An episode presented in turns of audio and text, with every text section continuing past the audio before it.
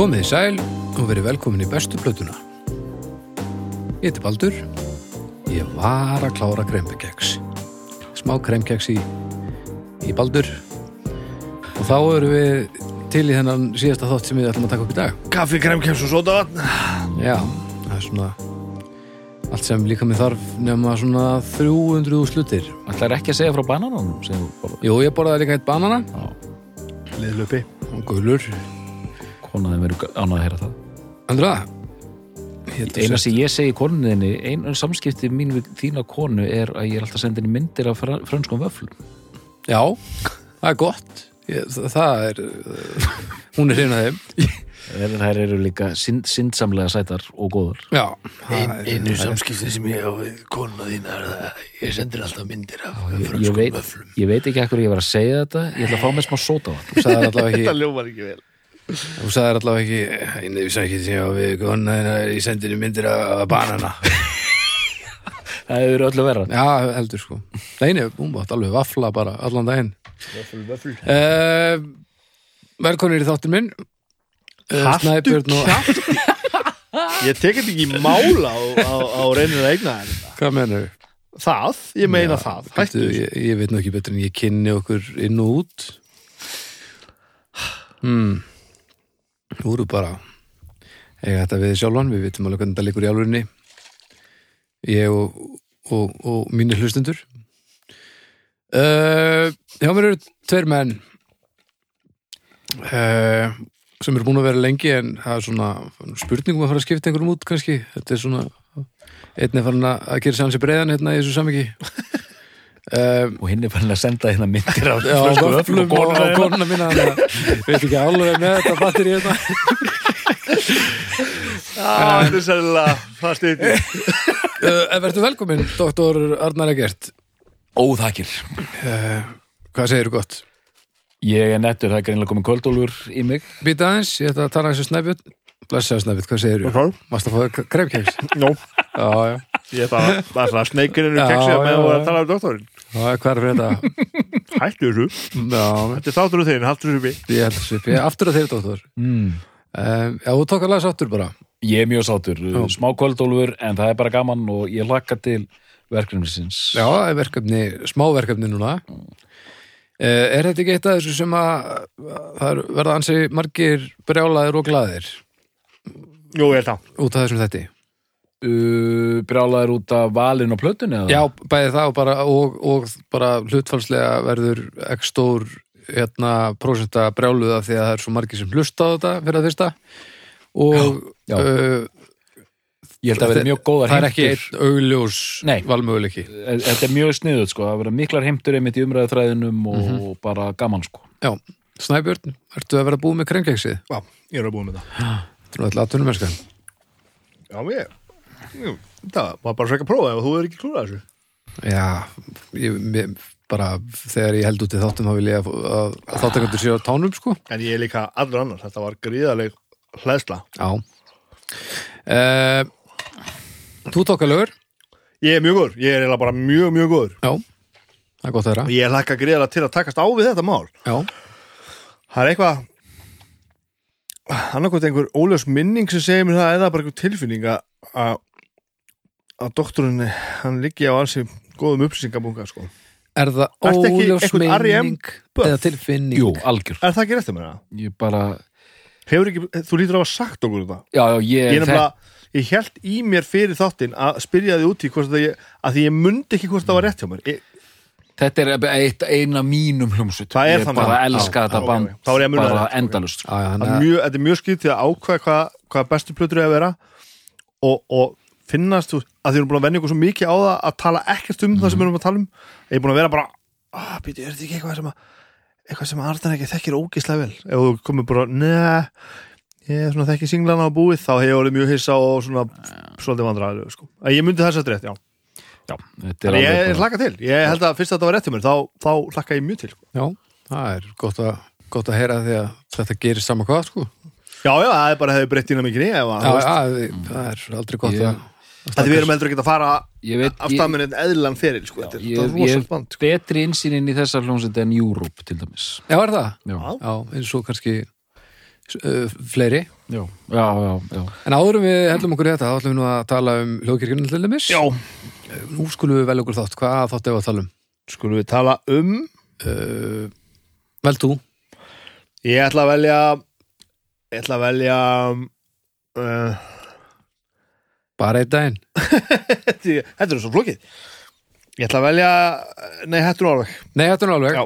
Já. Á föstudum Það er Vili Naglbyttur, Já Anna Svafa og, Já. og, og Viki, Vignir Rapp. mm Uh, þetta er svona, þetta er svona spurningaþáttur og gaman þáttur kannski aðalega. Svona spurningar. rótgróin Já, já. Þetta er rótgróið Og uh, núna loksins þá hérna, var hægt að fá gesti. Já, það er bara það sem ég ákvað að tala um þetta. Það er Já. bara konið gestir aftur, það er Já, gaman. það er, það var gríðalánulegt. Það er gaman, sko.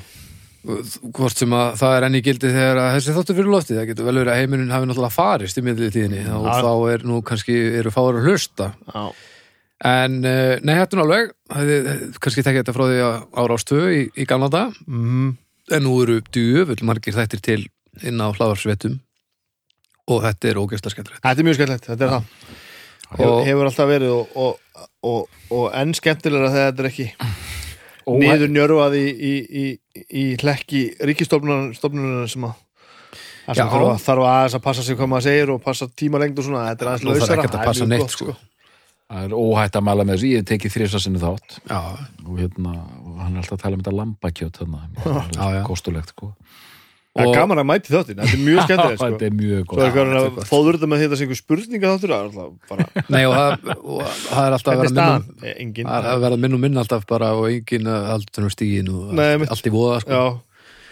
En uh, þeir fari í loftið á föstum eins og besta platan, en að það ætti að vera bullandi samkefni alveg uh, sjóð heitur þáttur á veitum uh, akkurat núna. og þetta er eini, þetta er eini dagur þar sem eru tveir þættir á hljókirkjuna annars er einn þáttur alla aðra daga.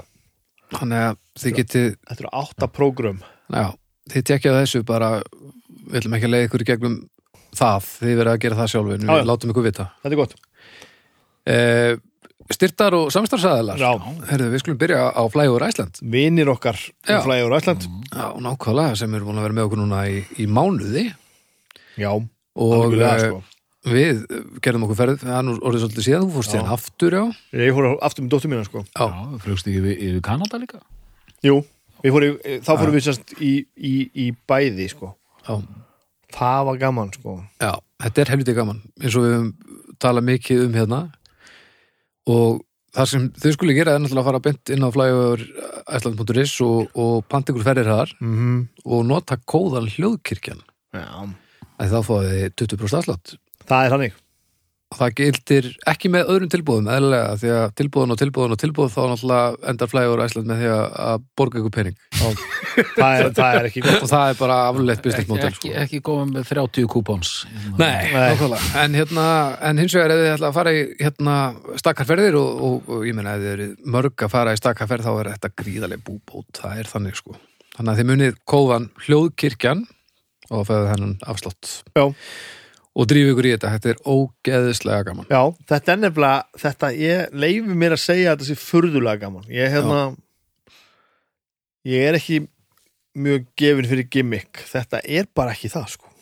Ég er að býða eftir flyover Mordor og eins og þú veist, það væri held ég snild þegar þú segir þá það. er þið maður stressaður maður. Ha, Þá er gaman, fljúa í gegnum augað. Já, yfir hérna pottinn og koma svona drekar síðandi hjá og svona. Pottin, Æ, þarna, hvað heitir þetta? dingjuna Já, Já, það er bara pottur. Ægileg pottur. Já, það er just pottur. Já, Það tekja er því. minni skala, fly over kópaskeir og svona eitthvað. Já, Það er kannski ekki það er snill, flægur ljónagreifan nokkra ringi uh, Svo hérna er það sjálfsög Lucky Records? Já, Lucky Records uh, búðin sem að, að hlustindur okkar þekkja mjög vel að leifuna og, og, og hérna heimsækja reglulega því að, að þar er hægt að kaupa vínulblötur og, og finna veit þið hvað er leinda fjársöði veit þið hvað er erfiðast við lökkir eitthvað þegar maður lappar inn. Mm. komast út. Það er yfir frekar einfalt. Sem betur við alls svona hræðilegu staður. Þegar maður lappar inn það er hérna það eru upp á veggjunum á, á lítið vinstri veggjunum sem er svona svolítið í burtu. Já. það er svona og veist, nýjar útgáfur og eitthvað svona áhugaverð stöf Mhm. oft eitthvað box set svona og eitthvað svona dótt Já, hægra megin á vegnum á bakvið búðaborið já, allt er eritíð já. Við getum, ef við horfum til vinstri þá er það- ný, nýtt mont og hinum enn er gamalt mont. Og það er sko og, það, dý- eru, og þar alveg endur dýrt mont. Já, það er dýramonti sko. já, sem kallar. Það, er, það er erfitt fyrir Dýramontið kallar. Ó, það, það er þá sem að maður svona vegur og betur hvort að maður labba líka alltaf inn og það er svona stærra pláss vinstra megin þannig að maður byrjar að labba svona til vinstri svo horfum maður til hægri og maður tekur svona astnalega beigju og líka og frábært staff þarna líka sko. Já, það er Það kemur ekki að tómum kofanum. Nei, það er, það er alveg maður fær það aðstóð sem maður þarf sko og líka, maður fær líka frelsið sem maður þarf þegar maður er bara svona að fletta það er nefnilega að maður fyrir stundum inn í búðir og maður já, fær já. ekki maður fær ekki gluggfriðin sem maður þarf að hafa sko Get ég aðstofað? Ég, er að alls leita ekki. hérna demoplötu með Queensræk er hún til? Nei, nei En hérna, Lucky Records, þið skulið fara og heimsækja þá dásamlegu búð og, og takk hérlega fyrir okkur, Flæjóður Æsland og Records. og við búum að helsa alveg ef þið farið í ásast staði. Þið- þið nú endilega að vera að hlusta. Og ef þið hérna er líka að fara á þessa staði þá viljum við endilega við, hlugkirkjan er líka á Instagram og það er mjög gaman að sjá Já, hvar fólk er að hlusta. Þannig að þið með endilega hérna taka hlugkirkjuna ef þið eru að hlusta og, og í hverju sem þið eru að gera hvort sem þið eru á þessum stöðum eða, eða bara að þrýfa sundlaugin eða eitthvað það er oft sem maður er að gera það sko. Já, ef maður vinnur það eða ásúleiðis um, Þá skulum við færa okkur yfir í held það bara. Er ekki? Jú, nú held ég að þurfum að anda djúpt. Já, þetta er hljómsveit sem að hefur verið til í svolítum tíma. Vel Hefur þekkt. náð ákveðnum, já, vinsældum. Já, Mjög vinsæl og ég, mér heyrist strax að, að hér gæti verið að Baldur sé það er eitt sem að, mér heyrist að vera að tala hann að það er eitt sem að veit ekki, eða áttar sig ekki alveg á sko. Nú. Bandið er náttúrulega ekki starfandi í dag sko. Jú, jú, jú en, oh, en ég Hefur náði, eða svona hafði, hefur náði hann er að ljúið sem hann vissi ekkert á, ég, ég, ég er hraða líðin, sko Starfaði frá, já, veldu, að fyrir ekki ég var byrjar, Já. stjórnaði svo þetta í þátturinn þinn Vel Þetta þekkt um, band já, þetta tala um R.E.M. Uh, R.E.M.. Snæbjörn, segðu okkur endilega, hérna, besta plata R.E.M. Já, besta blata Ariam er þessi hérna. Ég er nú með hana hér, Já. keft hana myndi lökkir eitthvað um daginn. Já. Það er þessi plata hérna Automatic for the People. Það var Merik Snildar nafn á plötu sko. Já, tókuð út af einhverju, einhverju, einhverju, einhverju grillstað eða eitthvað sem að stunduðu mikið. Stopnuð, hvað séu? það var viðtal við mannin sem á, á búðina og eh, hérna Ég veit hvað það er að bú, er það búð? Já, og það var bara svona, svona var, þetta var eitthvað svona brotinni ensku af því að hann var með eitthvað svona sjálfsælega gáleika automatic for the people þú veist, hey, hey. Nei, alveg. já, þannig að þess, þess, þessin er ég með þetta svona, þetta er svona automatic for the people og er þeir einhvern veginn pikku þetta bara upp sko. Allavega Hljómsveitin R.E.M. stopnuð í Georgiu fylki Mhm. Athens, Georgia sem er nú frækt, fræktir orðið. Ég veit nú ekki hversu stór stórt það byggðalega er. Þetta er alveg sæmilega stór borg en sko í Georgiu það er þetta Atlanta og fleiri borgir og þú veist Athens er svona eins og sumir staðir verða eins og Keflavík eða eitthvað leika svona það voru alveg böndan, það B-52 sem líka frá Athens sko. Já, já, já, það var rosalega svona sterk sena í þessari borg sko. Og þetta er þetta í, í Suðuríkjunum sem spilar mjög mikið inn í svona sjálfsverund þessara hljónsveitar sko. já, já. Fyrir tveimur árum það var þetta svona það 126.913 manns Já, þetta er bara er- pínu lítið sko.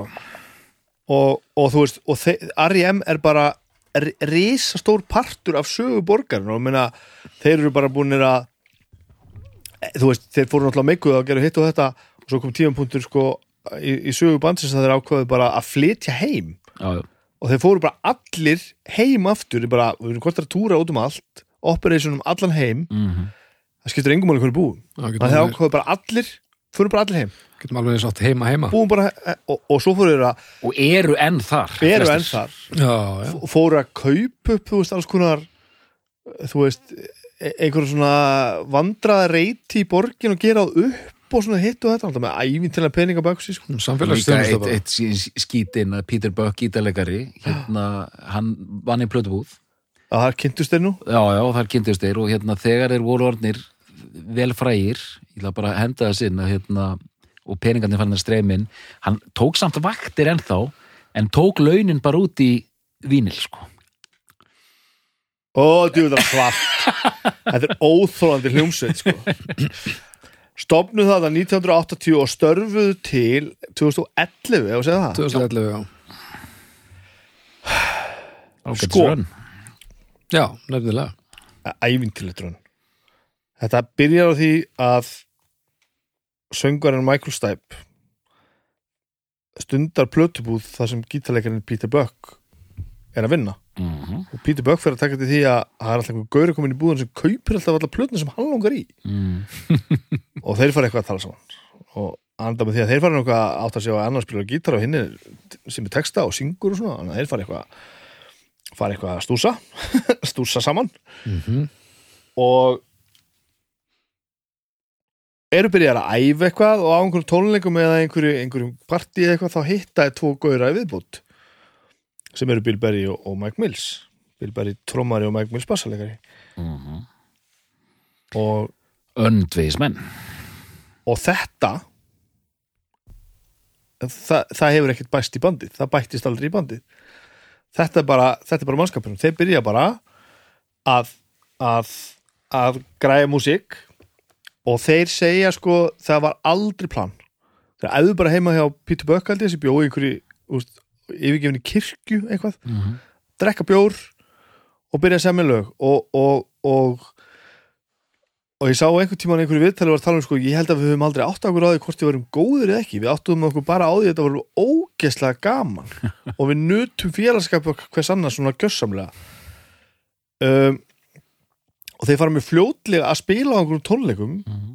og þeir segja sjálfir við vorum strax frægir þeir upplifðu sér strax þannig að það var strax fólk verið að mæta tónleika Já, ég veit ekki hversu snemma þetta er af því að þú veist, það er sagt að tala um að bandið hafi stofnið 1980 fyrsta plata kemur út 83 held ég sko Mhm. fyrsta stóla, já sem er mör, mörmur Mhm. sem að mörgum svona heitum aðdáðundum er, er talin mestarverkið Já. um, best að ég segja strax ekki ég er engin sérfræðingur í R.E.M. Mhm. Um, og heppilegt að þú ert með eitt, eitt, eitt þannig bara við hliðnaður það er baldur já, já, já, já, það er maður. Ah. Eh, en að því sögðu náttúrulega bara þú veist sem á, á, áhuga maður tónlist þá náttúrulega veit ég hellingum hérna um, um bandið og alls konar sögur og þetta er mjög, mjög áhugaverð saga og ég komst að því núna því að ég var svona undirbúið fyrir þáttinn að djöfull er ég búin að heyra margt um bandið og einhvern veginn hefur maður alltaf veitt í athygli þegar að vera fjallum R.E.M. Mhm. maður lesi viðtölin, maður hlusta á viðtölin horta á það sem er að gerast þetta hefur verið það stórt já og bara svo áhugavert Mhm. þetta er svo skrítin hljómsveit sko. og þarna fennum aðeins að þinnast hjá mér nema bara þú veist að þeir grænda og grænda og grænda og grænda það kemur svona platan nummer tvö þannig bara árið eftir svo held ég gefið plötu á ári í sko sjú ári eða eitthvað, það er, já, eitthvað og þeir taka þeir taka bara grándverkið alveg. Þeir, þeir eru bara, þeir búa bara í fimm ár í sendifrabíl og eru bara túra bandarækin þvert og endinátt bara endalaust og bara svona gradually stækka og stækka og stækka og stækka. Þá til að Warner kaupir út samningi þeirra eða sem sagt Mhm. ræður á samning. Mhm. og fyrsta platan sem kemur út þá, þá er grín Green ég er með tillögu, Baldur. Já, hann veit fara í þetta kronologist það er gott gerum það ég legg til að við tökum David Bowie yfirferð á þetta. Flott. Já. og síðan fyrir við aftur að Automatic Varied People og, og, og, og tökum þetta aldrei þaðan og bara það sem eins og hendar. Hvað, Ég- seg, hvað segir það? ég er hérna fullkomlega á móti þessu. þetta er dásalegt gerum Uh, gerum þetta, sko, dregur hann upp skjattan maður. Já, þess vegna var bókin svona, svona, svona þrútin.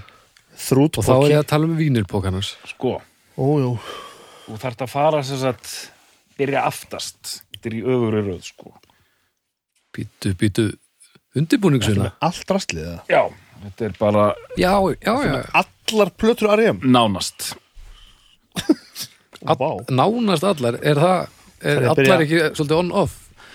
Ég ætla að byrja bara sko, þetta er fimmlaga Ertu ekki að plata fokkin grínast? Áttu þetta? Þetta er fimmlaga plata sem heitir Chronic Town Gefin út á IRS gefin út af IRS sem var sem sagt, svona óhátt merki einn Copeland bróðurinn bróðir hérna Stjórn Copeland sáum þetta merki uh -huh. Chronic Town kemur svo undan þessari frægu plötu mörmur fimmlaga EP-plata en það, soundið er strax komið. Þetta Ok, jingle jangle gítar, nýbylgjur rock með rætur í pu- punki og post-punki og öllu því. Margslungi band sko. margslungi band og svona eh, hendum smá þjóðlaga músík inn í þetta og, og, birds feelingur og, og það allt sko. Mhm.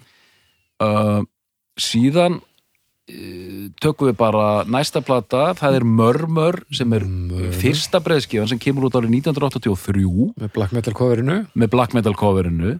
Og einmitt svona vísun í Suðuríkin mjög sterk, þetta er einhvern gróður hérna fyrir utan að- hérna Athens. Já, þessi plata fær alveg rosalega góða dóma og er oft tilkölluð bæði sem besta plata rem en líka sem ein bara besta svona besti frumburður bara allra tíma Já. í rockinu nú ætla ég ekki að pressa á þig að gefa ómikið upp sko mm. Finnst þér þessi plata frábær? mér finnst hún algjörlega stórkost Já, ok, ég nefnilega Ég held samt Ég að hann nefnilega er, er ekki alveg þar sko ég held að hann geti sagt að hann muni segja það Þú veist, geti sagt það mjög oft en ég, ætla- ég ætla að halda að með spilunum sko. Já, Já, áttum að því. Hann getur sagt það oft, já, en það er ekkert að segja það alltaf Þeir hafa mistið sér alveg harkalega sko. allavega, já, mitt mat af þessari plötu er að þetta sé algjert þrekvirki ótrúleg hérna, ótrúlegt byrjandaverk Mhm. og, og það útskýrst betur með næstu plötu hún er svo rosalega langt komin hún hljómar eins og já, já. þriðja eða fjólaplata Þa, það er eins og var það er eins og var alveg hárétt maður heyri það strax sko. 83 er árið eftir 83, uh, næsta kemur 84 Já, þá kemur þetta rekkoning út á sama merki, 84 það sem er svo merkilegt við rekkoningu hún er svona niður strípaðri ég kann betur við hana heldur en mörgur sko. hún er meira svona to the point, hún er meira direkt hún er hrári að einhverju leiti mjög mikil gítarplata mm gítarar hann út um allt og bara svona en svona að einhverju leiti sko, þetta er allt annar hljóðheimur þetta er eitthvað svona hérna, step down að því leitinu til. Þetta er, mér finnst þetta geður ykkur lög á þessar plötu en ég er einhver staðar hann á milli með þá plötu sko. ok, Ok, 85 85 kemur þessi plat út Fables of the Reconstruction. Bandið er svona að fara að finna sér dálitið en eru lendir í rosalegum vandræðum hérna með coverið. Já, með coverið, það er nú annar kapitúli tölum við það eftir, það er shit. cover. Hvað er að gerast hérna? það eru misjöf það eru misjöf Rosa svo, svo, svo, svo ekki nú meira sagt. Nei, við erum black metal yfir í slönguspili yfir í mannaskýt það en, er en, rosa en hérna, ég ætla að segja þess að Fables Já. hún er tekin upp í London já, og bandið er svona að fara að hanga dálítið illa saman að mikið fyllir í og svona óvissa mikið þreita, mikið grænt Já. búið að, búið að ferðast mikið og allt einhvern veginn á og þetta er svona nánast svona Southern Gothic hérna svona feelingurinn er svo að blötu, hún er þunglindisleg myrk og svona, en já, bara þetta er ægileg dugnaður, þetta er plata á ári sko. já, hérna, þetta er 84 förum hérna næsta, þetta er 85 85 85 Já. 86, Life Switch Patient. Hér er tekið mjög ákveðið meðvita skref þessi er svolítið svona mörki Fables of the Reconstruction hérna er komið svona pop sheen bragur á plötuna -hmm. núna er bara komið, herri strákar nú tökum við þetta bara alla leið og hérna þessu já, lögum svo Begin the Begin, Hæna þú veist, þetta eru geggjulög og hérna Fall on Me, hérna ballaðan sem margir kannski þekkja Fall on me, fall on me. 86. Já. næsta ár hérna 87 það er dokument og þið takkið eftir. 83, 84, Þetta er 85 ævintýrlegt. 86, 87 þetta er einhvern fimm plötur á þessum árum. Hérna er bandið orðið sko stærra heldur en einhvern veginn neðan er þar senan sem er að fóstra það sko. Já, þetta er svona umtalaðasta neðan bandið já, árið er 87, þetta er á sama tíma 87, þetta er Rem, þetta er Húskardú, það eru fleiri hljómsveitir sem eru svona farnar að narta aðeins í mainstreamið, Mhm. en hérna er þetta þetta er rauninni fyrsta lagi sem ég heyri með Rem er hérna The One I Love, er á þessari blötu já, já, já. This one goes out to the one I love mm. Radio Staple, fleiri lög hérna geggjöplata þetta er síðasta uh, underground platan þeirra Ertu að heyra þetta í rauntíma eða? Já, en ég er mjög ungur, ég er hvað 13 ára. Sko, End of the World er ekki? Já, líka. The end of the world as we know it. Ég heyrði þetta í útvarpinu 13-14 ára og mér fannst þetta geggjað. Að þetta, þa- Þá er þetta komið í útvarspilun mainstream útvarspilun Já. Ok, Dead Letter það er, Off svo, það er svo ótrúlegt með að hvað er langt liðið á fyrirlin útgáfulega séð Já. og langt í sko Já. stjörnu stardómin sko. Þetta er búið að vera svolítið langt, grænt sko. þetta, þetta er svo ótrúlegu ferill sko. Þetta er bara fjögur ár frá því að fyrsta platan þetta kom er út alveg galið að gera þetta svona sko. Dead Letter Office sem Bibi heldur á hérna Þetta er björnliðastöf þetta er svona odds and ends mjög skemmtileg plata Uh, þessi plata, þetta er svona ERS subplata með glæsilegri baklið okkar manni nei, wow Englastæp þessa plötu keifti ég þegar ég var 14 ára gamall og þetta gerði mig að rem aðdánda ég hlusta á þessa plötu á gat. Já, já. Og þannig eru hérna bara dánsanlega lög. Það er þetta bara þetta eru alls, þetta eru bæði hérna þetta eru svona löga plötum þetta eru einhverjar björnliðar það er meira segja lag hérna sem var í kvikmyndinni Bachelor Party með Tom Hanks. Ó, ó, ég aldrei séð það uh, hérna kemur fyrsta platan á stórumerki sem er platan Green á Warner 88 Og þá er ægilegu slagur á móti- milli, milli IRS og Warner. Mm. Þekkir þessu sögu? nei, góðum með þetta. Það var ægilegu slagur. Þannig bara að það hefur svona major labelum voru búin að narta í það og þeir bara, ef við höfum ekki ástæð til að fara á IRS þá ætlum við ekki að fara. Þetta er bara fínt Mm. og þeir eru aldrei sínt að sér neina takta að vilja meika það neitt og oft voru að taka ákvarðanir sko, sem að voru eiginlega bara í því að skemma fyrir þeim sko. Mm. og eins og þið segja sjálfur alveg sama hvaða ákvarðan við tök, tókum sem að var eiginlega til þess fallin að vera óþólandi og svona, þú veist ó-mainstream og reyna Já. svona að beigja frá st- strömmnum, það gerði okkur alltaf frægari það bara, þeir urðu bara þekkti fyrir bandi sem fór sína eigin leiður og fikk ægild respekt fyrir það sko Það er ekkert sérstaklega góður í því sem ég gera greinlega. og sögðu sem sagt við ætlum ekki að leibulinu, að RS-leibulinu ef við höfum ekki ástæði til þess mm. sem er mjög gött síðan þessum tíma sem að sko, það sem að major drasli var þannig að það, það fólki var trú, talið trúum að sko, þú myndir aldrei ná neinum frama nefnum þú myndir fara á eitt af þessum stóru leibulum sem, Já. og þau voru örfá í rauninni sko. og Warner segir bara á endanum ok, hvað sem IRS bjóð ykkur við tvöföldum það og þetta er verified saga sko Mm. Sama hvað tilbúðið verður og þeir töluðu við Kópland og svo gaur dude. að, þú veist, við fáum tvöfall það sem þú ætlar að bjóða okkur sko, hann náttúrulega ekkert með capacity í það. Og hann sagði bara geðveikt, Já, ég þarf að fá eitt fund með ykkur fyrst áður þið farið að ég þarf að gera ykkur geðveikt gott tilbúð og hann gerði það og Warner tvöfald að Vá, það er svo, það er svo stórkustlegt En þeir sem sagt fara yfir á Warner, Já. gefa út grín og halda credibilityinu sko. já. og bara flawlessly Sem er, allavega sagan það er merkilegur hanskvöti. sagan allavega heldur í þannig á lofti að þetta bara, það sá ekki högg á vatni sko Áttu þú engar svona vinn sem eitthvað Það er fórhaldnir og gringar og nefnir. Jú, sko það er alveg sko, ég er ekki þar, en Nei. það er alveg splitt á með IRS og, og Major Að sjálfsögðu. Leipela. já, já, já, rífur það er svo leiðis Þú veist, þetta selja sálsinn á það allt sko. amaturinn ég til dæmis Ég meina- eh, þekki þá ekki þá sögur það sko, er þá bara, hljóðar- og þú veist, ég svona mér finnst þetta allt, allt mjög gott sko, en hérna, ég, ég er auðvitað ef ég þyrfti að velja, ég myndi velja IRS sko en hérna, En það er þess svona. Þú þarf þess alls ekki. nei, það, það er alls, alls ekki en það, Ekki er, frekar en okkur annar. en það er líka þetta barnalega splitt sem við þekkjum úr öllum þessum geirum sko, hérna, IRS versus Major Label sko já, já, Já. En allan, já, og, og þeir bara í góðu stöðu hérna Orange Crush lagið verður pínu vinsal Svo en, tekur Hva, við hva, hva, hvað er, LED hvað er þú á grínvagninum? Ég- Má, má ég spyrja það svona? Já, og ég átti aldrei ég, ég, ég átti ég átti aldrei erfitt með, Hvað er þetta á grínvagninum? ég átti aldrei erfitt með að tjá um með Já, en nei, að því ég ætla að segja, ég er að verða svo hérna, mér finnst þessi plata geggjuð, klikkuð, frábær, stórkostleg. Þú mátt ekki, þú mátt ekki vindan um of Nei, ég er, ég er bara svo Tilfinningalega. spettur sko. Já, en höldum áfram Ef ég er ekki að miskilja ef mér er ekki misminna hvernig ferillin er Mhm.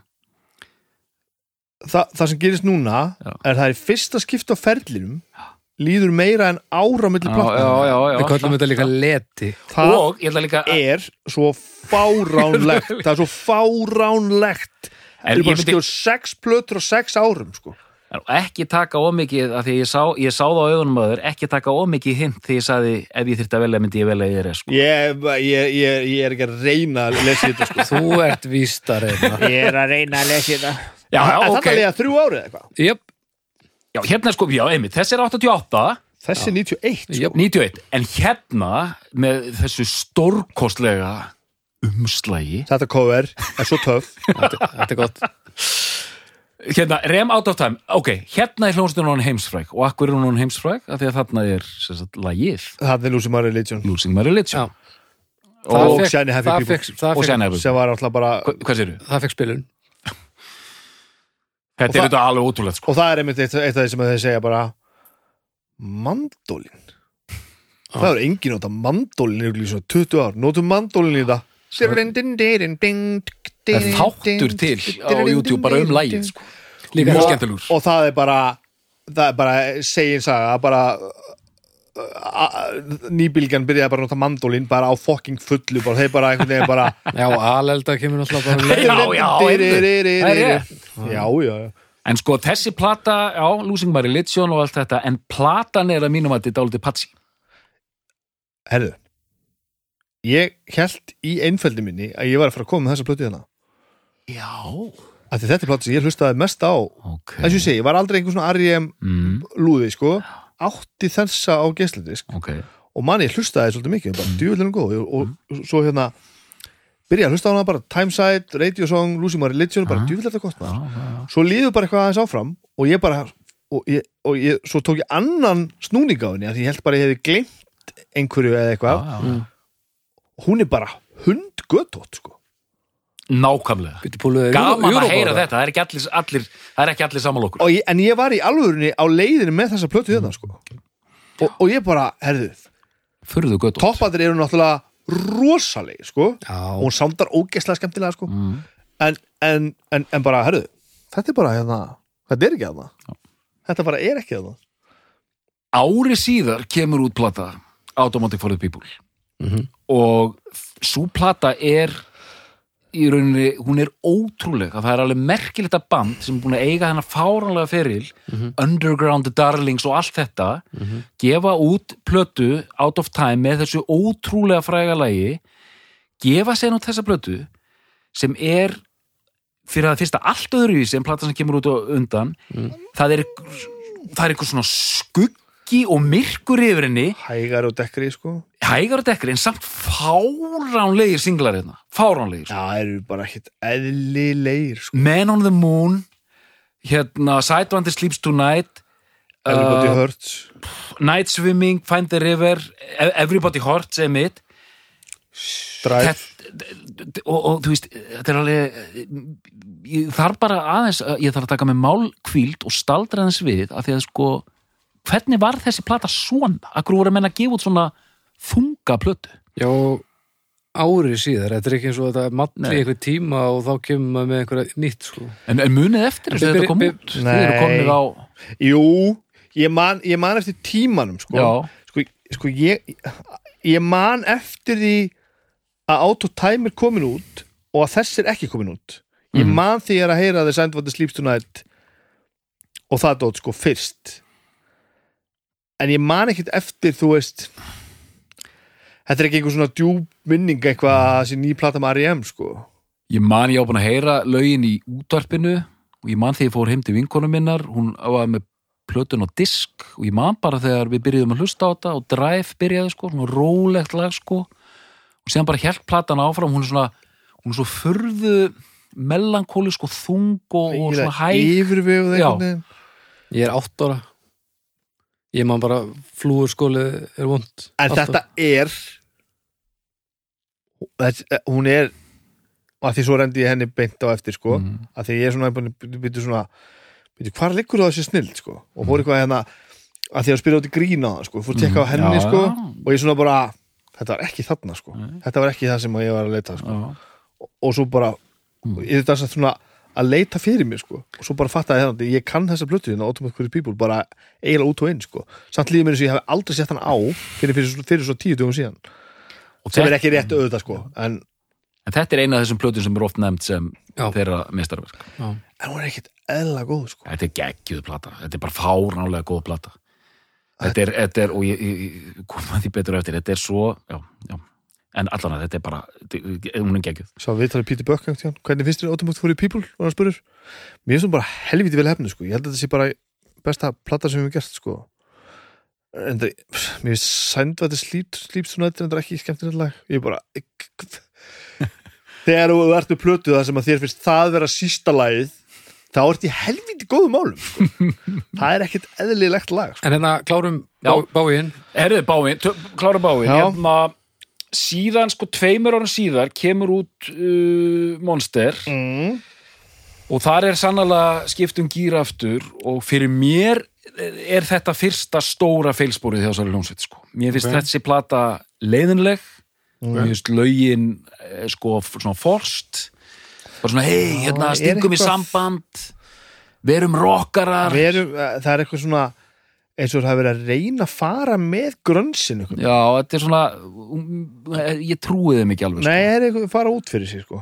En grönsaröðin hafa samt talað um þetta band náttúrulega sem Já, já, já og, og, og, og þú veist, margir mjög hrifnir á þessar plötu uh, næsta plata hérna New Adventures in Hi-Fi þetta er að mínum að þetta síðasta góða plata er bara R.E.M.. þannig þetta er svona eins og bara sést hérna hún er svona það, er- það er, þetta er svona hún pínum svona country skoti Síðasta góða.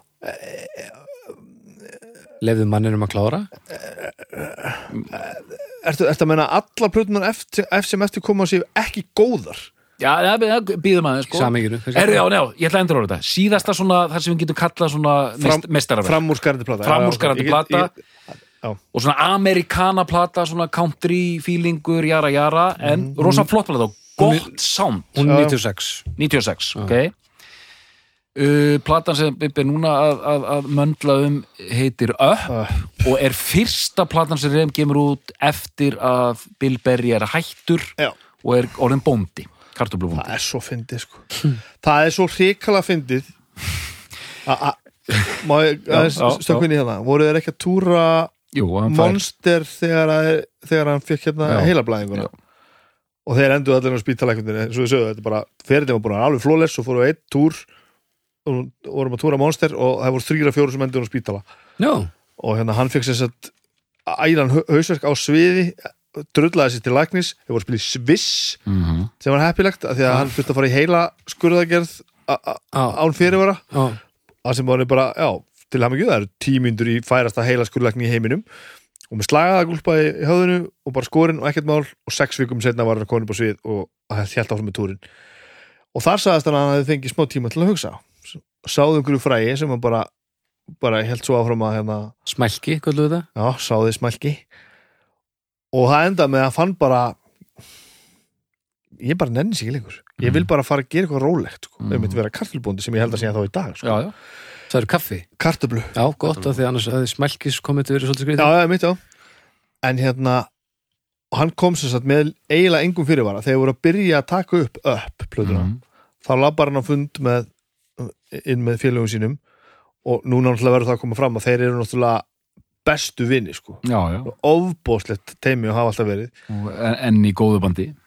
Labbar inn og segir um þetta að hann bara sé búin að hugsa þetta út í gegn og hann bara, honum finnst eins og að verða að hætta. En það sé eitt skiliri fyrir að, að hann hætti. Og það er að bandi haldi áfram. Þannig að hann, hann sagði ef, ef, ef ég hætti og þið ætlaði að hætta þá held ég áfram.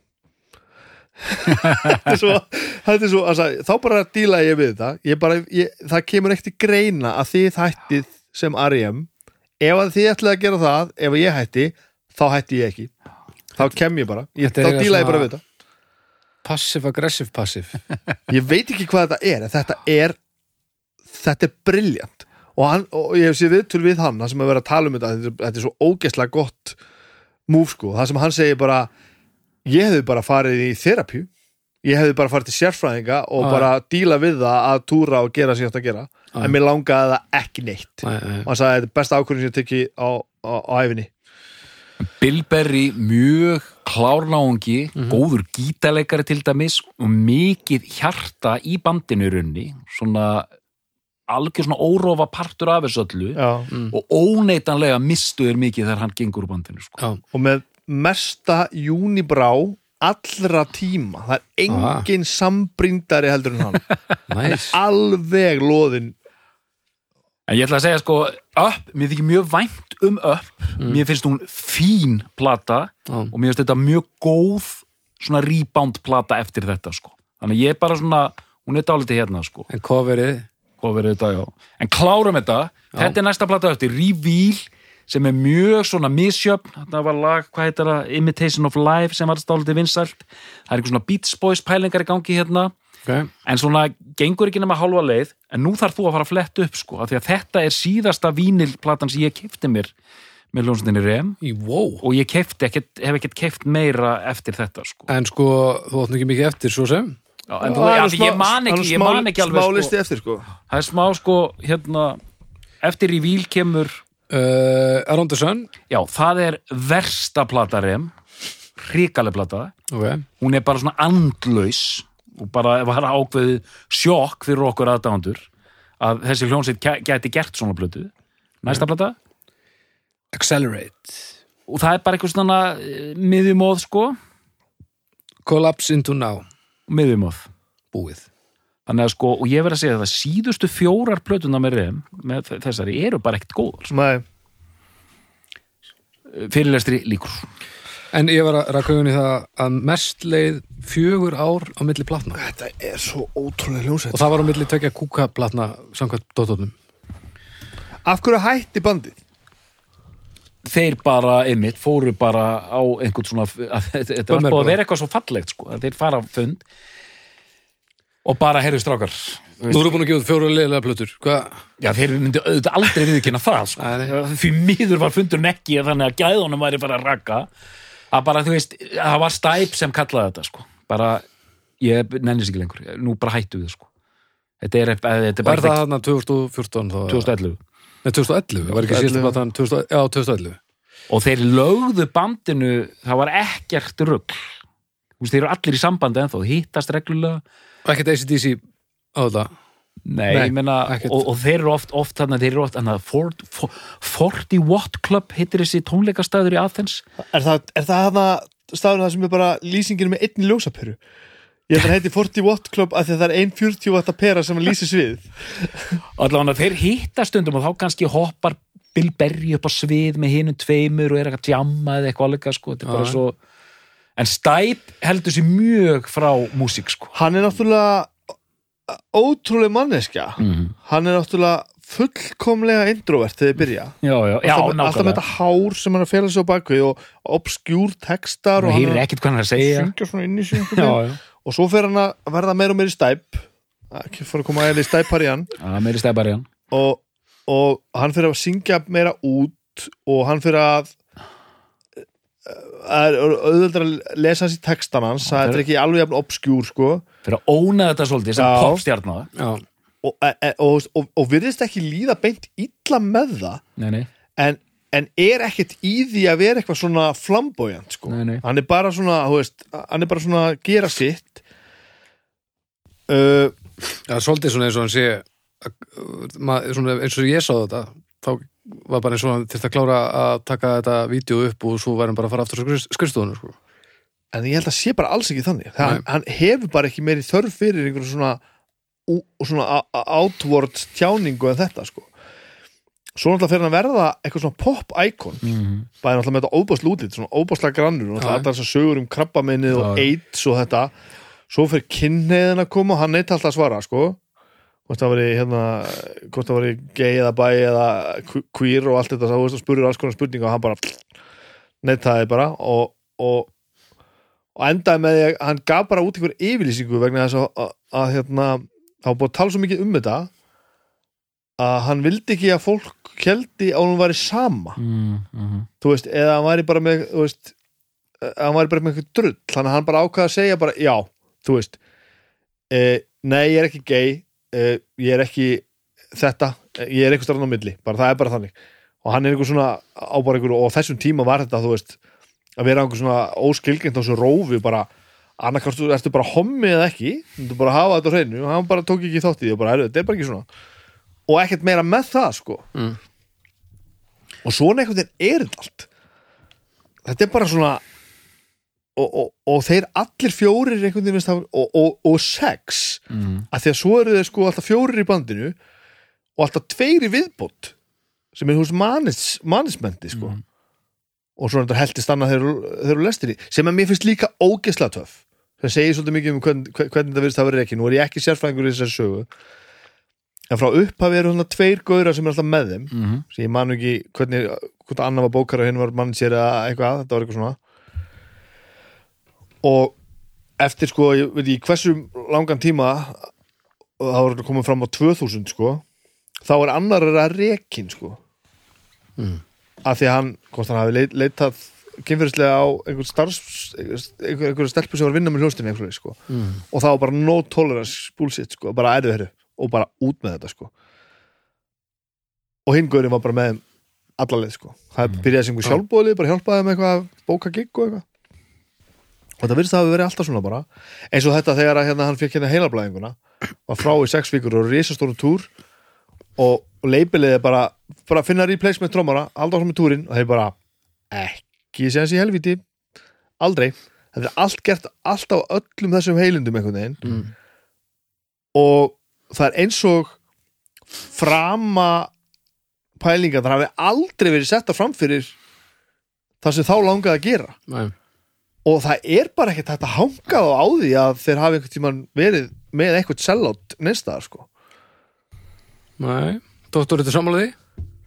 Já, ég held að það sé alveg rétt sko og þessi saga er þetta dálítið eh, einmitt er henni mjög undarleg að mörgu leiti að þú veist, þið byrja rosalega stert með alveg gríðarlega flottar blötur hafna á ERS Mm. og ég bara dæsi oft að ég, ég hlusta stanslust á rem og bara mjög reglulega og þegar ég tekar kannski svona eða þú veist við hjónin þegar við erum að keira út á landa og svona þá er rem oft sett í sem svona bílatónlistin Já. og ég bara verð gáttaður á hvað er hægt að gera mikið af góðri músík á svona fáum árum já, já. ég bara skil þetta ekki hvernig er þetta að dæla þessu út en það er bara hérna, sem er aldrei merkilegt þetta transition úr að þeir verða svona alltaf umtalari og umtalari og umtalari fara sér hann yfir í hérna Warner, gefa út þessar plötur hérna, þú veist, grín og slá óvart í gegn einhvern megin hérna með, með hérna Losing My Religion, en þetta er þetta þannig band, þetta er svona pop-rock þannig séð, þú veist að sé við rætur einhverju nýbylgi og pönki sko þá er þetta bara, þetta fellur alveg vel í hérna eiru, eiru, útvars eiru, mm. þessi lög á hérna Automatic for the People þetta eru grípandi lög en þetta eru svo geggju lög. Man on the Moon sem ég fannst að vera dálítið svona ofspilað eitthvað svona, mm. víst þetta bara eitt besta lag sem ég hýrt sko, þetta er svo fáranlega gott lag. Það er rosalega. Er dýft í því en líka rosalega katsi þeir voru bara með þetta allt einhvern megin en svo ég svaraði þessu líka ég held að þú veist þeir fóru aldrei, veist, hvað er næsta verkefni hvað er að gera næst, þó að mér finnist monster leiðinleg, Já, þá bara samt svona, heyri, ok, við verðum að gera eitthvað annað. Og þá gera það einhver svona rockplötu.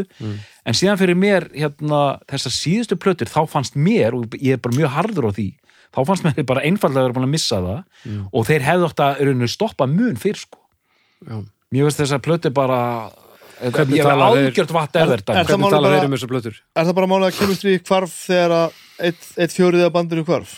sko, einmitt í, hérna Þetta er, allavega, þetta er einhver rosalegt pakt sem verður þarna sko Já, ég, ég, ég, rosalegt teimi sko. ég vil bara segja það að þetta sé bara alveg hár rétt að því að sko eins og ég segi, mér, mér, ég, ég var svo stoltur á strákunum að hafa náða reboundar svona vel með upp en það má í rauninni segja þetta að þegar þú ert með þessa fjóra og þið, þið sjá þetta band á sviði svona early years ógeðslega þétt band og maður er mitt svona allir með sitt hlutverk með hann frábæra trómuleikara út með Peter Buck með hann uh, gítar þarna, Stipe með sitt og hérna Mike Mills með bassan og bakrættirnar sko. Hann er svalar en allt. Mike Mills er svalasti maður í heiminn sko. að ljósar með gleru að og síðan tekur síðan trómleikaran út og hérna í rauninni mætti segja að þú þetta sé einföldun að þeir hafi ekki búið sitt bara eftir að hann hætti. Það er alveg að segja það sko. En hvernig tala þeir um þessar síðustu plötur? Sko, Peter Buck er þetta ferlegur sko, því ég lasi auðvitað öll þessi viðtölu við þá sem byrtust fyrir einhverju einustu plötu og hann auðvitað fóra sem auðvitað tónlistamenn gera, hann bara þetta er það besta sem við höfum gert, ever þetta er bara það besta sem við nokkuð tíma gert Mm. auðvitað segir það líka þegar þú ert að plugga sko Já, já. en samt svona eftir á, hann vill alls ekki samþykja, hann er svona eins og Steve Harris sko, hann vill ekki samþykja neitt sér slæmt sem Rem hafa gert sko Mm. Stæp miklu meira lúsa á þessu sko en ég meina, þú veist, en menn eru þetta, þetta er bönnið þeirra og, og, og það allt sko.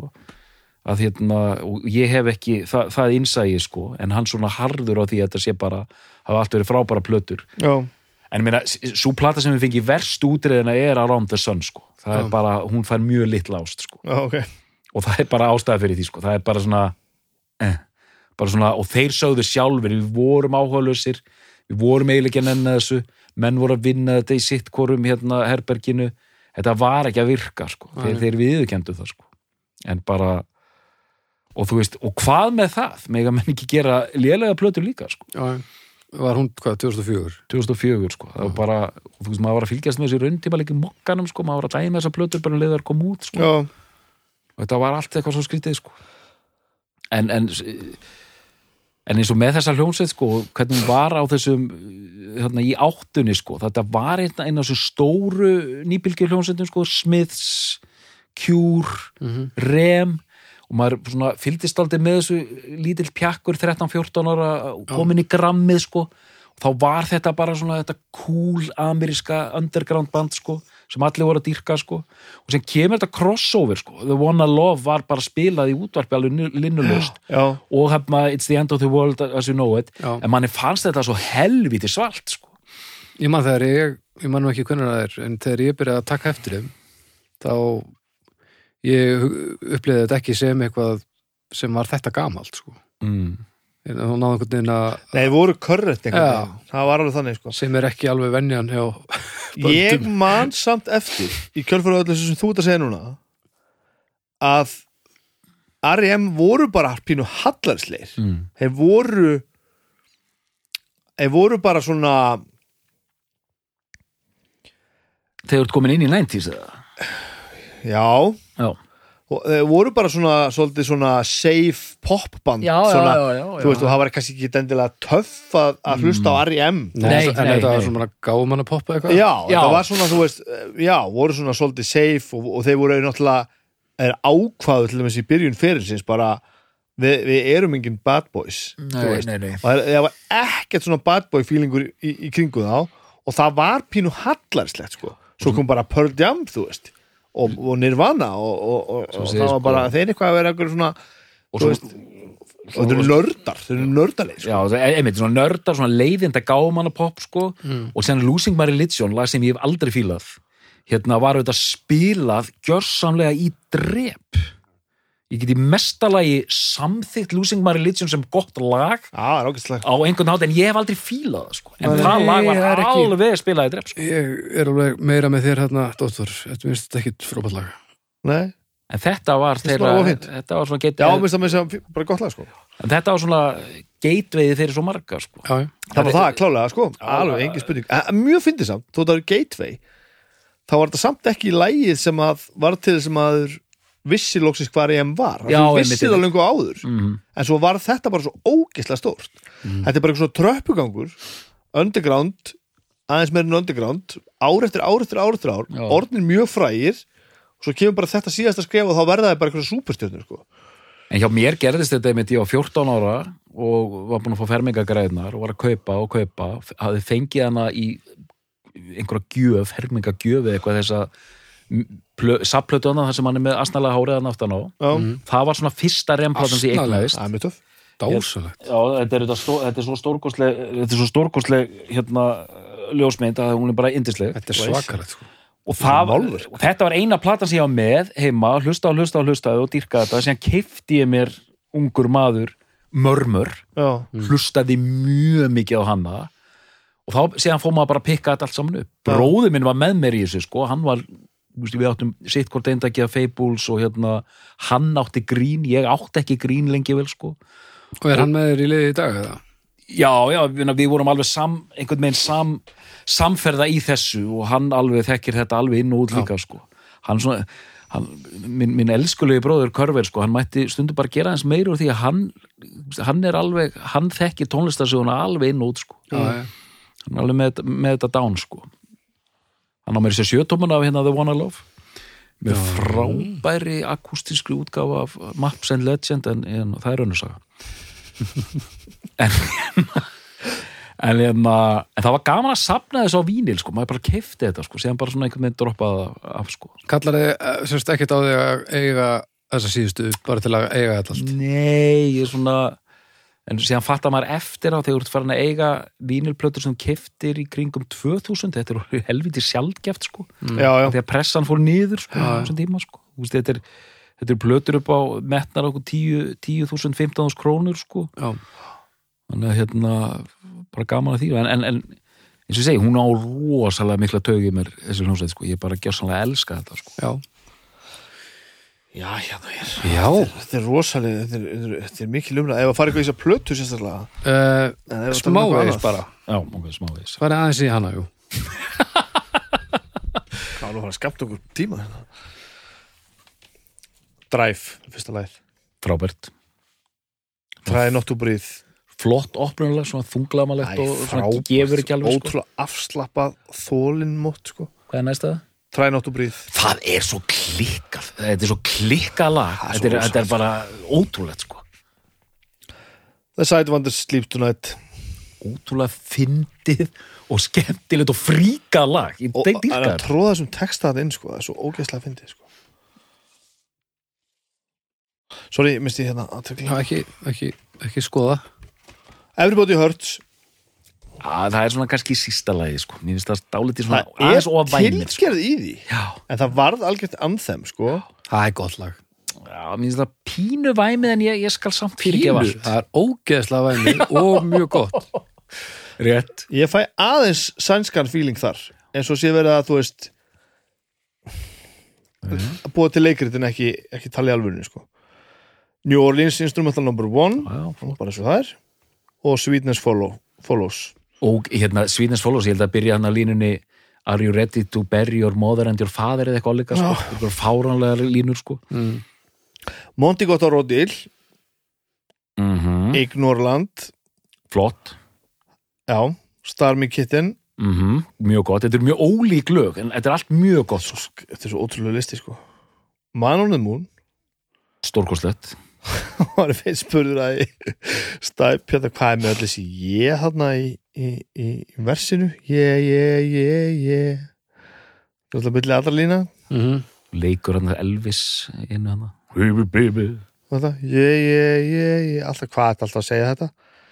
Æ, Kurt Cobain vinnu minn hann, hann segir svo mikið. Ég í svo mörgum lögum, ég langaði bara að gera eitt lag þar sem ég segi fleiri. Ég heldur en hann. Já. þannig að hann sagði, hey Kurt ég er búin að, búin að, ég er búin að segja Ég er búin fleiri að- ég ég að- ég er búin að á- átíða þig. það Ég að þig. Svo kemur Night Swimming magnað Það er besta lagi með Ariam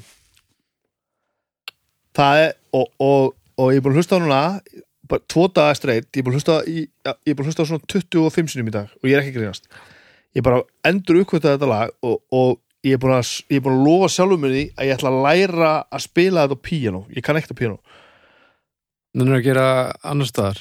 þetta þetta er bara svona lag sem ég var að hlusta á í vinnu í dag og ég, ég, ég fyrir bara tár í augun sko. Já.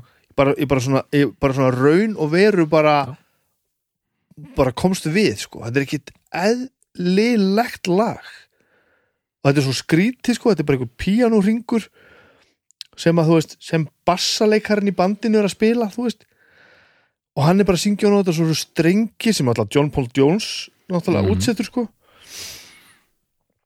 og hérna mikið bassaleikari að spila píanó og bassaleikari að að útsetja strengina. Og svo kemur óbói restina og þetta er bara og textin er eitthvað bara, þú veist einhverju endurminningar allsbera að synda einhverju vatni með einhverju vinu sínum, þú veist.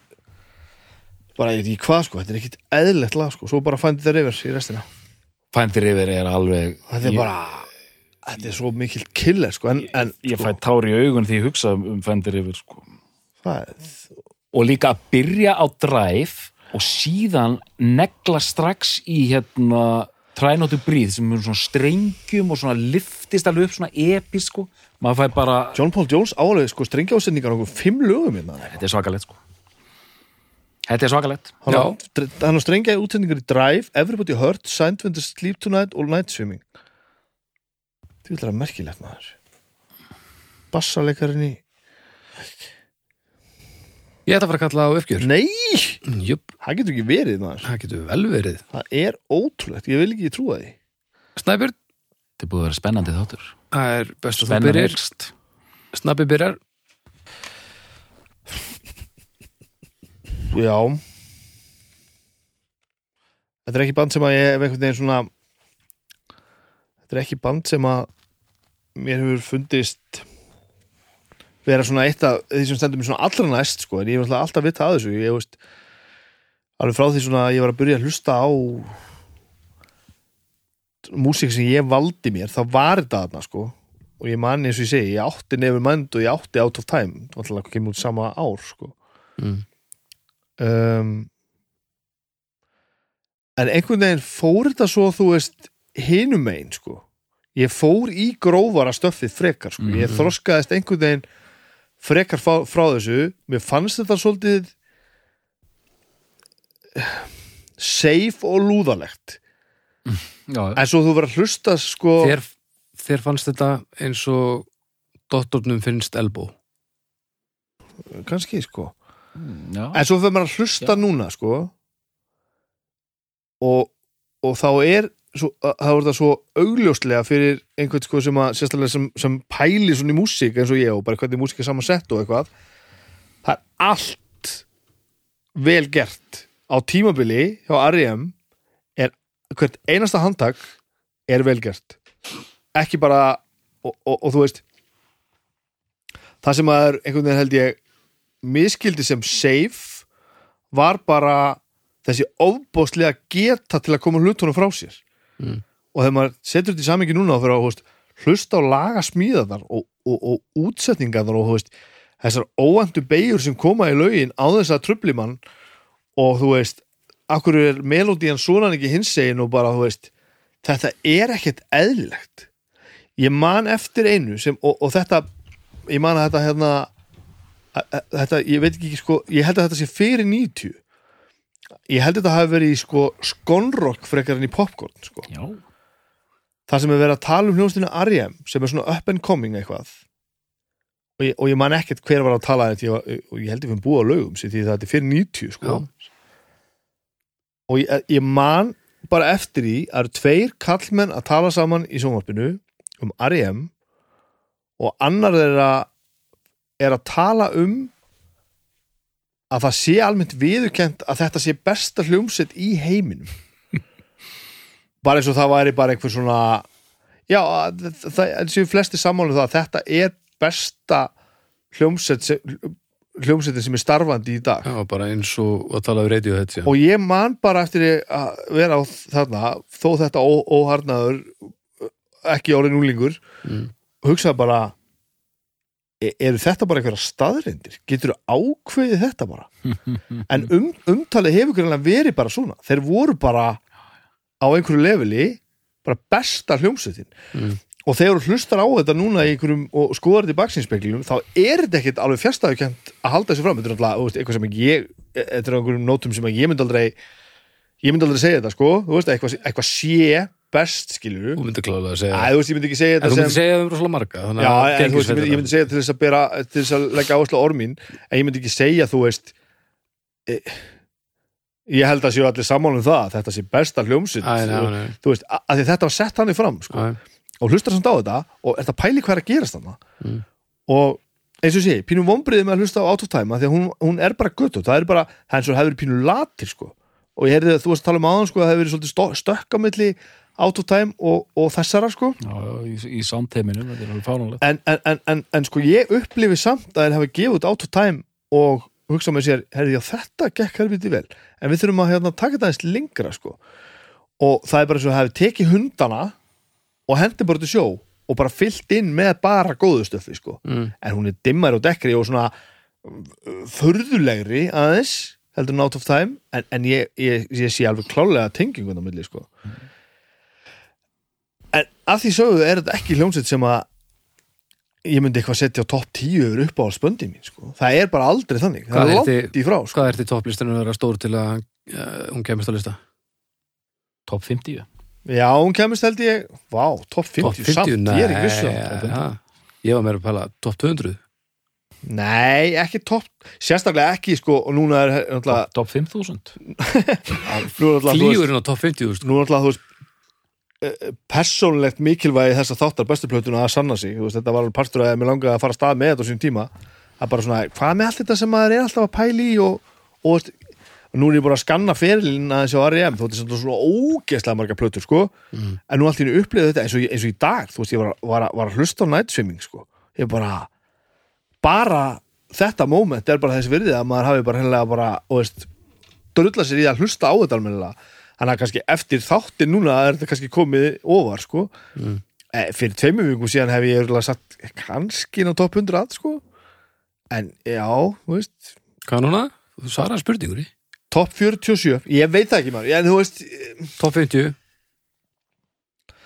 það er bara til svo hrikala marga góða hljómsættir, Ég topp veit. 50 ég veit það ekki, Nei, ég er ekkert vissu það. Nei, ég er ekki svona heldur. Ekki svona það sem stendur mér svona nærri á, á því leveli en, en það er þetta er samt svo fullkomlega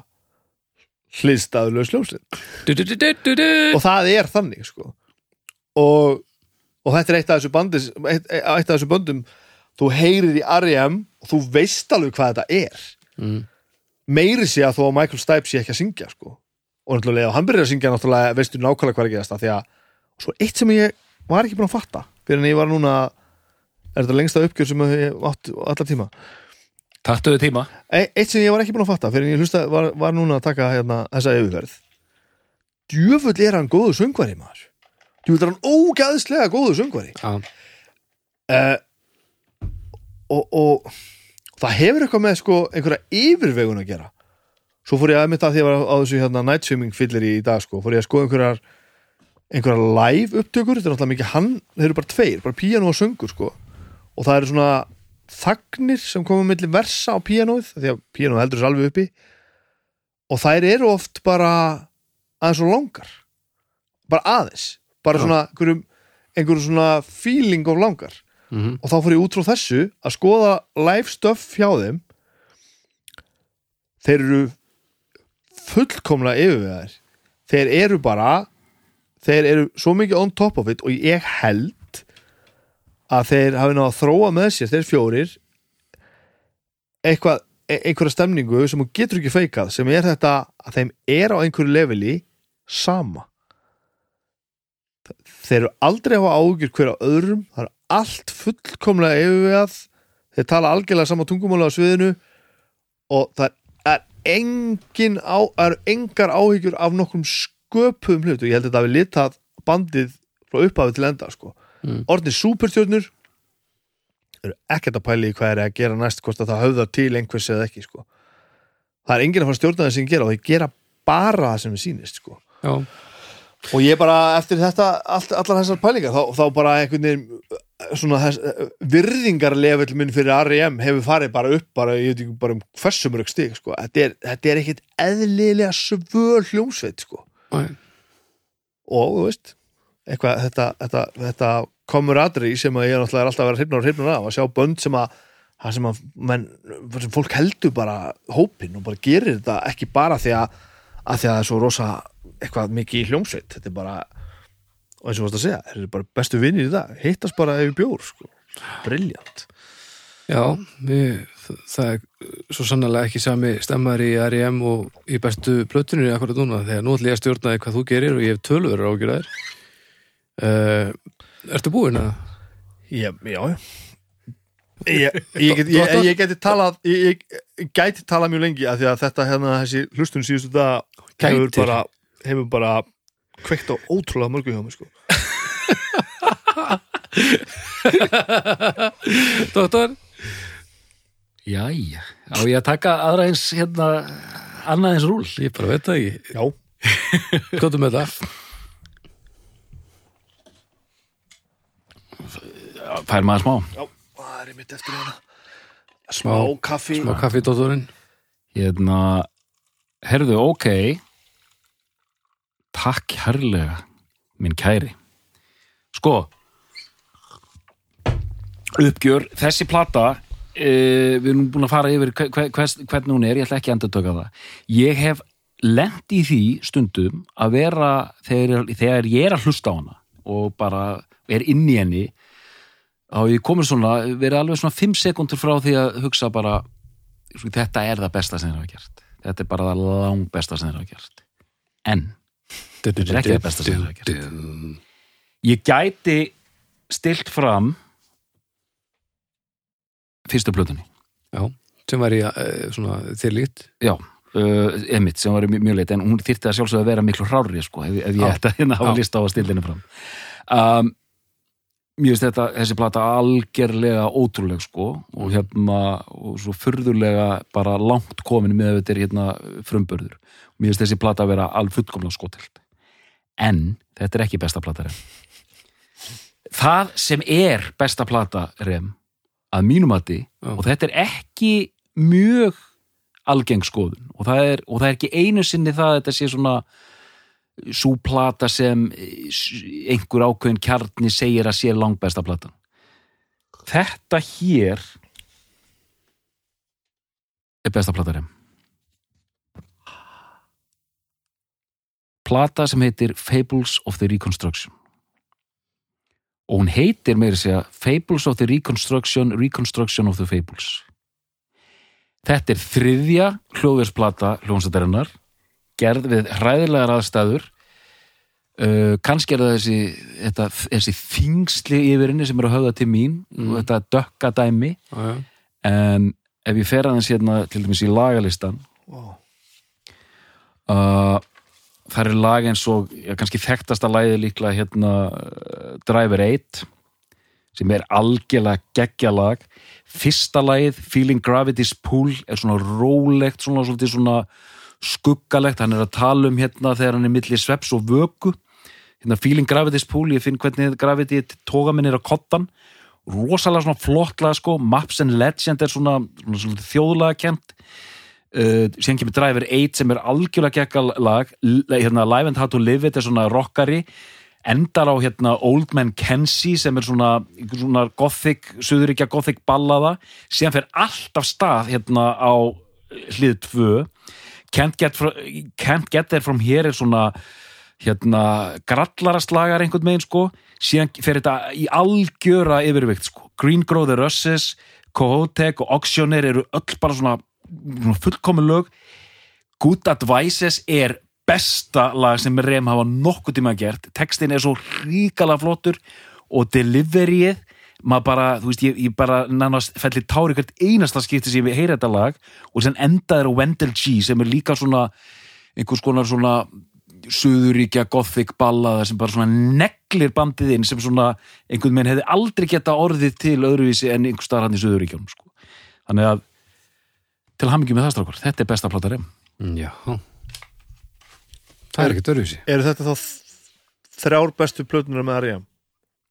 Já og Automatic annarsæti með very, very close second af því að það er ekki eðlilegt að hlusta á þá blötu Mörmur fengi þriðasætið en þessi álíka svo rosalega stóran stað í mínu hjarta Já. að það er ekki hægt að hérna, þóka henni úr efstasætinu en ég verði að segja það þessi er alveg bara sé, og stundum bara hugsaði bara nei fjandakoti, þetta er besta plata Mm. síðan hætti ég við sko. Já.